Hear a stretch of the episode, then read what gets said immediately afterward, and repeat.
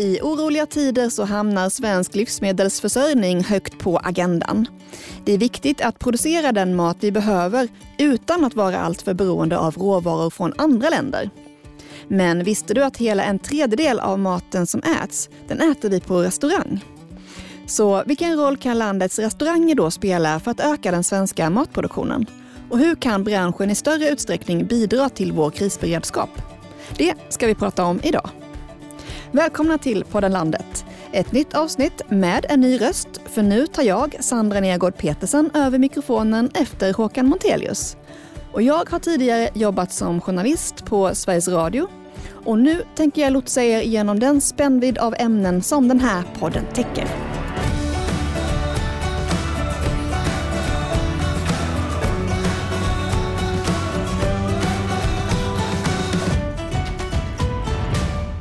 Och med mig i panelen har jag Patrik Olsson, ordförande i LRF Värmland och lantbrukare som bedriver växtodling och köttproduktion i Kil.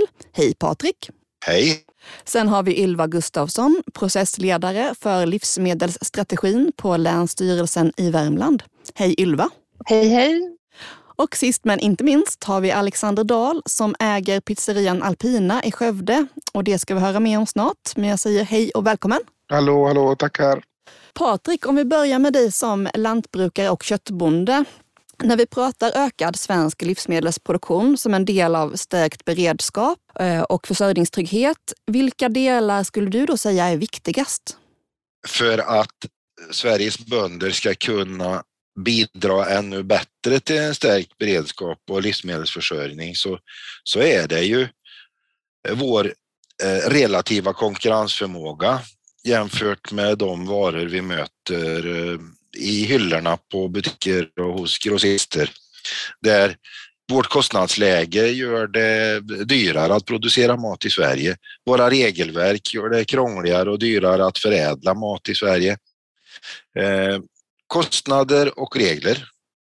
Och vad tycker du att restaurangerna kommer in i den här bilden? Restaurangerna behöver ju också säkra upp tillgången för sig själva eh, genom att ha goda relationer med leverantörer. Det har ju varit orimligt billigt att eh, lasta grejer på en båt och köra iväg det kors och tvärs över haven som en konsekvens av att frakter på båt inte betalar sina miljökostnader. Någon dag kommer det att hända att även båtar kommer att betala sina miljökostnader och då vore det nog bra även för svenska restauranger att ha sett till att ha goda kontakter med leveranser från svenska bönder. Mm. Ylva, du som processledare för livsmedelsstrategin på Länsstyrelsen. Hur tänker du kring restaurangbranschens möjlighet att bidra till en svensk ökad produktion? Vi pratar om skolmaten till exempel, att det, det finns en, en viss pedagogisk eh, bit i det också. Att om man, man kan liksom vara ett gott exempel och visa på att här, alltså bidra till utvecklingen och bidra till, till ehm, eh, att hitta de här lösningarna och samverkan för att få bra, rätt produkter som passar för storhushåll och som rätt förpackningsstorlekar och sådana saker där finns det ju en, en, en, annan möjlighet så att säga för, för restaurangmaten att bidra. Men eh, det är ju den där tredjedelen så att säga som, är, som, som vi behöver komma åt för att komma upp i volym och öka, öka produktionen. På Länsstyrelsen så har ni ett särskilt ansvar för krisberedskap i Värmland. Vad kan regionala aktörer göra då för att få fler svenska råvaror på restaurangerna? Man pratar om ansvarsprincipen, att de som serverar mat eh, och gör någonting när det inte är kris eller krig. De ska kunna göra det även när, det är, när vi hamnar i en krissituation. Så att därför så behöver det finnas en viss beredskap för det. Och det har vi jobbat med, att få fram en receptsamling för att ha mera svenskt i krisberedskapslager och ni heter Mat härifrån. Recept för vardag och krisberedskap. Ja, just det, den kommer vi prata lite mer om sen tänkte jag. Vi kan gå in på den mer. Men jag tänkte släppa in Alexander i samtalet också. Alexander Dahl, du driver ju pizzeria Alpina i Skövde och har valt att satsa en del på just svenska råvaror på dina pizzor. Vad fick dig att välja just svensk ost på pizzan? Ja, för att jag vill ju värna om, om eh, svenska råvaran helt enkelt och, och bibehålla, kunna ha kvar våra svenska mjölkbönder och, och eh, sen vet man ju, man kan ju stå eh, rakryggad för, för någonting man vet lite mer om. Eh, som en lokal, lokalproducerad ost till exempel som vi jobbar med. Och det är ju kanske mm, 75 procent av alla mina råvaror i restaurangen är ju svenskt. Eh, en gång i tiden så var det kanske 10 procent som var svenskt. Och det, det, det, annonserar jag också med att eh, jag lägger ut på hemsida och, och på våra lunchblad eh, vart råvaran kommer ifrån och vem är bonde och, och, liksom, och så vidare. Och vad får du för respons från dina kunder då? Ja, men de är positivt eh, inställda till detta, eh, vilket gör att det blir mer och mer omsättning och ruljans på verksamheten helt enkelt. Så är det. Frågar de efter just svenska råvaror? Ja, det gör de ju. Eh, absolut. Sen är det ju också lite som så att vissa grejer är väldigt dyra som är svenska. Eh, och då kanske jag har en, eh, den kundkrets som kan tänka sig att betala lite extra eh, för den svenska råvaran. Då är jag ju tvungen att hoppa över den. För i slutändan så måste jag ju kunna få sälja maten jag köper in. Men hur tänker du kring att restaurangerna också har ett ansvar för att trygga tillgången på svenska råvaror? Vad, vad är din roll i det hela så att säga? Jag försöker ju liksom mest att gå till grund med vart problemet ligger och problemet ligger ju mycket hos leverantörerna. Och det är där vi ska kunna få eh, tillgång till en svensk råvara eller alla råvaror till ett vettigare pris än vad det har varit. Eh, för att få kunderna att kunna betala. Det är väldigt begränsat. Eh, ringer jag en, en pizzeriagrossist och frågar efter en svensk ost, ja, men det har han inte men, eh, Patrik? Alexander beskriver ju ett systemproblem.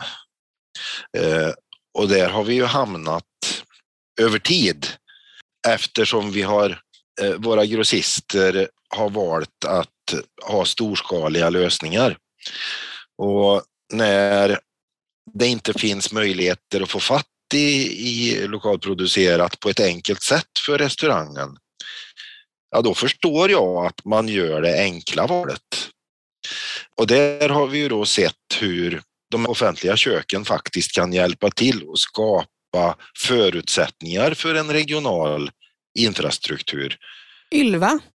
Ja, jag tror att alltså, för, för, att vi ska ändra på situationen som den ser ut så, så måste man nog jobba med alla på flera arenor samtidigt. Dels måste det finnas en efterfrågan från konsumenterna som gör att, att de som har restauranger vågar satsa och, och sen är det ju då hela det här systemet med, med grossister och utbud och förpackningsstorlekar och kvaliteter och, och, och, och så som måste återtas igen eftersom det är mycket som faktiskt har försvunnit.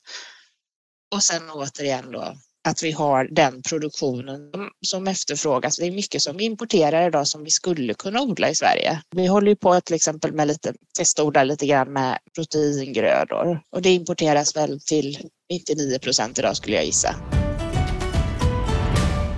Patrik, det sägs att mjölk och kött är liksom motorn i produktionen. Och har man väl liksom lagt av med den, med köttproduktionen, så är det väldigt svårt att eh, komma tillbaka med den. Så det gäller att stötta den här motorn som redan finns. Eh, hur väl håller du med om den bilden? Jo, men det ligger nog mycket i det. Eh, det blir ju ett enklare liv som bonde om man inte har jour 24 7 365. Så det är klart att när du väl har slutat med djur så är det svårt att tänka sig att dra igång igen. För ett 30-tal år sedan så var det närmare 2000 mjölkbönder i Värmland och nu är det kanske 50 kvar. Och det här har ju naturligtvis betydelse för hela bygder och hur det är att leva och bo i de här bygderna. Bonden formar landskapet och när djuren försvinner så ändrar det landskapet. Det är viktigt att, att ge förutsättningar för att ekonomiskt, socialt och miljömässigt hållbart driva företag i alla våra jordbruksbygder. I många fall så handlar det om djurproduktion. Så tappar vi djurproduktionen så tappar vi jordbruket överhuvudtaget. Mm. Men en, hur ser möjligheterna ut för att liksom ställa om till en annan, som lite Ylva var inne på, en annan proteinproduktion kanske? Att liksom ställa om till odla mer ärtor, linser, bönor? I Sverige har vi ju förutsättningar att göra det, men inte på alla hektaren. Eh, och i de bygder där det har varit svårt att få lönsamhet i djurproduktionen så kommer det inte bli lättare att nå lönsamhet i nya grödor. Eh, ofta så krävs det dessutom att du, du bygger nya förutsättningar för att ta hand om dina grödor. Du kanske inte ens har en torkanläggning och har du en så är den från början på 70-talet och slut. Så det är utmaningar i de bygder där vi har störst potential att öka produktionen så är det snarare eh, med hjälp av betande djur till exempel. Men Patrik, om det är så att efterfrågan på svenska råvaror nu ökar, finns det en beredskap hos er lantbrukare? Vi vill ju gärna producera mer och eh, det finns ju potential i både marker och, och förutsättningar. Jordbruksverket eh, för något antal år sedan så menade man ju att det fanns mellan 600 och 800 000 hektar som vi inte nyttjade optimalt. Så vi har goda markresurser att producera mer mat. Och så ser det säkert ut i stora delar av landet att vi har marker lämpliga också för till exempel grönsaksodling som vi inte nyttjar idag. Ja. Alexander, du som driver restaurang då, vad tror du behövs för att fler ska haka på och använda mer svenska råvaror? Jag tror mycket på det här att man får liksom eh, som producent försöka gå ut till leverantörerna och, och presentera mer den svenska råvaran eh, till ett vettigare pris eh, och vilket kan göra att det blir större mängder. Eh, har vi inköp av det råvara så kanske det blir lite bättre snurr på det därefter. Ylva då? Lite förvånande kanske, så åt eh, vi mer kött 2022 eh, än på många år. Eh, men med då ökad mängd importerat kött. Eh, och ja, det är enligt Jordbruksverkets beräkningar, speciellt på restauranger. Tror du att det är liksom vi som restauranggäster som måste bli mer medvetna eller är det fler parametrar som spelar in och i så fall vilka, tror du? När man går på restaurang så tror jag att det är väldigt bra om, om det liksom framgår tydligt så att man kan göra ett aktivt val. Idag är det rätt så, så svårt att veta och då måste man ställa en fråga och då kanske man som restauranggäst känner sig lite besvärlig eller så får man ett svar och så säger man ja, ja, men då går det bra eller man vill liksom inte skapa dålig stämning eller något sånt där. Så att jag, jag tänker att just utifrån att, med en tydlig presentation att de här menyerna, där har vi svenskt. Mm. Det finns idag ingen lag om ursprungsmärkning av kött just på restauranger som det finns i, i butik. Det är under utredning än så länge. Men vad, tror du att, eller hur tror du att en sån liksom, tydligare märkning av svenskt kött skulle liksom, um, bidra i det? Jag tror att man skulle undvika det här att man inte vill vara obekväm så att säga och ställa frågan utan att man skulle liksom kunna göra valet enklare och på det sättet skulle kanske fler välja det. Det skulle liksom bli synligt på ett helt annat sätt. Jag tror också att det är väldigt många idag som inte, som inte vet. Alltså vi har väldigt mycket kyckling som kommer ifrån Thailand till exempel och med de uppfödningsmetoderna som vi har där. Så det, jag tror att det, det, det är rätt mycket okunskap och skulle det vara synligare så skulle folk tänka efter mer och göra ett annat val och efterfråga på ett annat sätt. Jag tänkte gå vidare lite här nu och prata om det som du var inne på innan Ylva, om eh, den här receptfoldern ni har gjort. Eh, ni på Länsstyrelsen i Värmland har ju gett ut den här skriften Mat härifrån som handlar om just kriskost.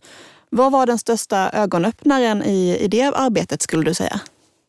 Ja, den största insikten där det är ju att det här marknadssegmentet, vi har alltså identifierat kriskost som mat som man kan lagra utan kyla eller i rumstemperatur i minst tre månader.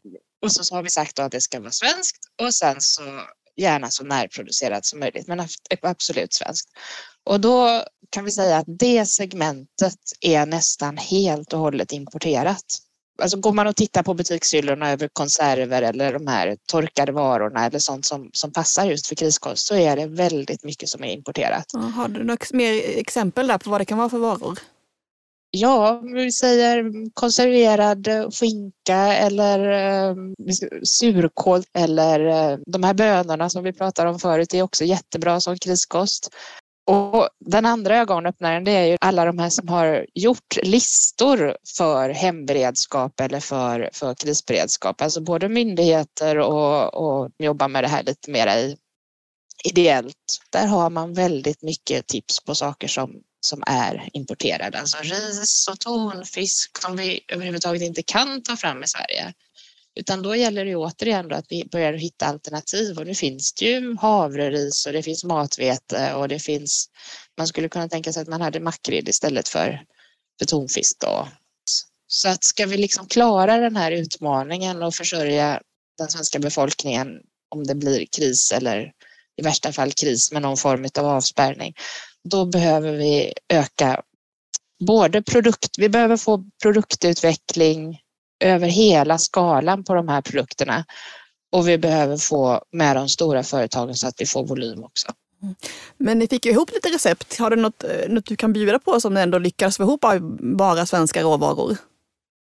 Eh, nej, men vi, hade, vi gjorde en, en, en pytt som man skulle kunna göra på en wok till exempel. Eh, och istället för, då, då har vi såna här ölkorvar blinier som där vi har faktiskt, vi har ju odling i Värmland på bovete, så det är ju en ingrediens i, i blinierna då som man också då kan, kan steka på en häll eller någonting sånt. Och så serverades den med, med lufttorkad skinka som i, i hel bit vakuumförpackad har, har väldigt lång hållbarhet. Och den var också svensktillverkad här i Värmland.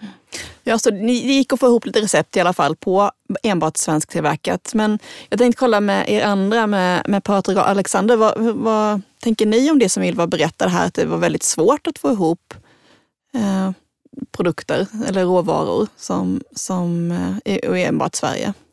Det är ju som så att under många år så har jag jobbat med eh, ja, vi kanske inte behöver säga namn då, men ett lokalt slakteri här i Skövde. Då. och eh, där jag köper mina premiumråvaror. Jag ringer och beställer och så, eh, och så åker jag och hämtar det. Det jag beställer helt enkelt. Eh, nu har jag ju märkt senaste tiden när man ringer och vill beställa kött, ögrev, eh, fransyska, ryggbiff, oxfilé eller vad det nu kan vara. Då prioriterar de bort restaurangerna. Nej, men allt går till lika butiksförpackat. Trots att jag som krögare kan tänka mig och köper det lite dyrare för att få en lokal eh, köttvara. Nej, men vi, vi säljer allt lika eller Axfood eller vem det nu kan vara. Matkedjorna går ju först och det kanske jag förstår, men det är där dilemmat eh, ligger. Det är svårt för oss. Jag kan inte använda butiksförpackade råvaror. Alltså det, det blir ingen lönsamhet alls. Eh, jag måste ha i princip hela djur liksom att få jobba med eh, till ett bättre pris. Det handlade nog eh, till del om de kriterier man satte upp för lagringsbarhet och hållbarhet och så vidare. Eh, vi, svensk livsmedelsproduktion är väldigt mycket färskkonsumerad. Och det är klart att som Ylva säger, här behövs det produktutveckling om vi också ska ha en lag, eh, lagringsbarhet. Eh, vi dricker vår mjölk färsk. Det gör man nästan ingen annanstans i världen. Som ett exempel. Och det, det behöver då ske utveckling, eh, produktutveckling, men det behöver också förstås i perspektiv av livsmedelsberedskap handlar ju om att vi ska kunna i, i eh, ofred eller i kris, om vi ska ha fatt i råvaror då, om vi ska kunna finna mat då, så behöver samma mat efterfrågas i fredstid och när det är lugnt och behagligt. Eh, så det vi ska äta i kris behöver vara ditt ordinarie innehåll i skafferiet.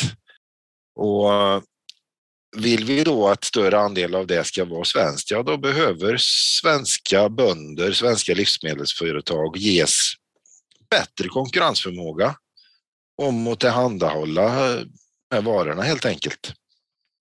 Och i den av regeringen beställda översynen av livsmedelsberedskap, man ska få svar framåt december tror jag, så behöver ju de här perspektiven vara med.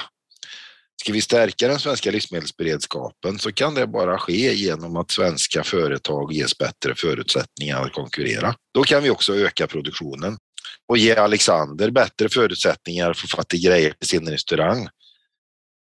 Även i fredstid. Mm. Men med det sagt, då, vad tror ni om eh, framtiden? Den sista frågan nu då.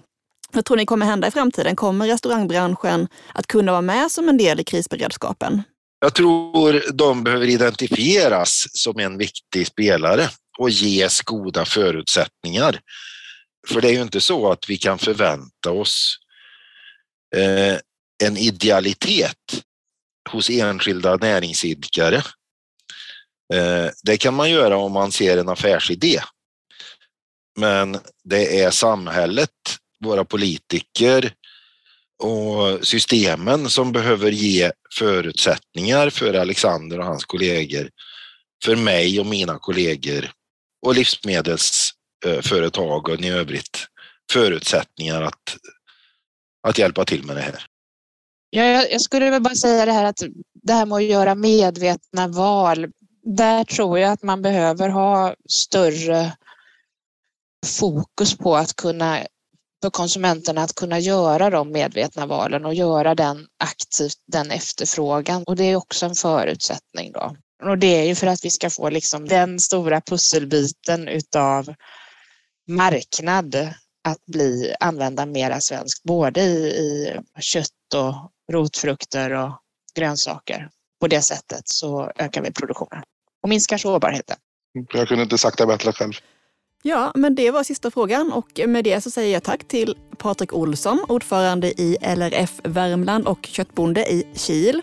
Ylva Gustafsson från Länsstyrelsen i Värmland och Alexander Dahl, pizzeriaägare i Skövde som serverar bland annat svensk ost och många andra svenska råvaror på dina pizzor. Tack så mycket för att ni var med. Och på Landsbygdsnätverkets webb kan du läsa mer om svenska råvaror i restaurangmaten och om varför det är viktigt att bygga upp en stabil livsmedelsproduktion. Tack till er som har lyssnat. Podden Landet görs av Landsbygdsnätverket. Producent var Ingrid Whitelock och jag heter Sandra Nergård Petersen.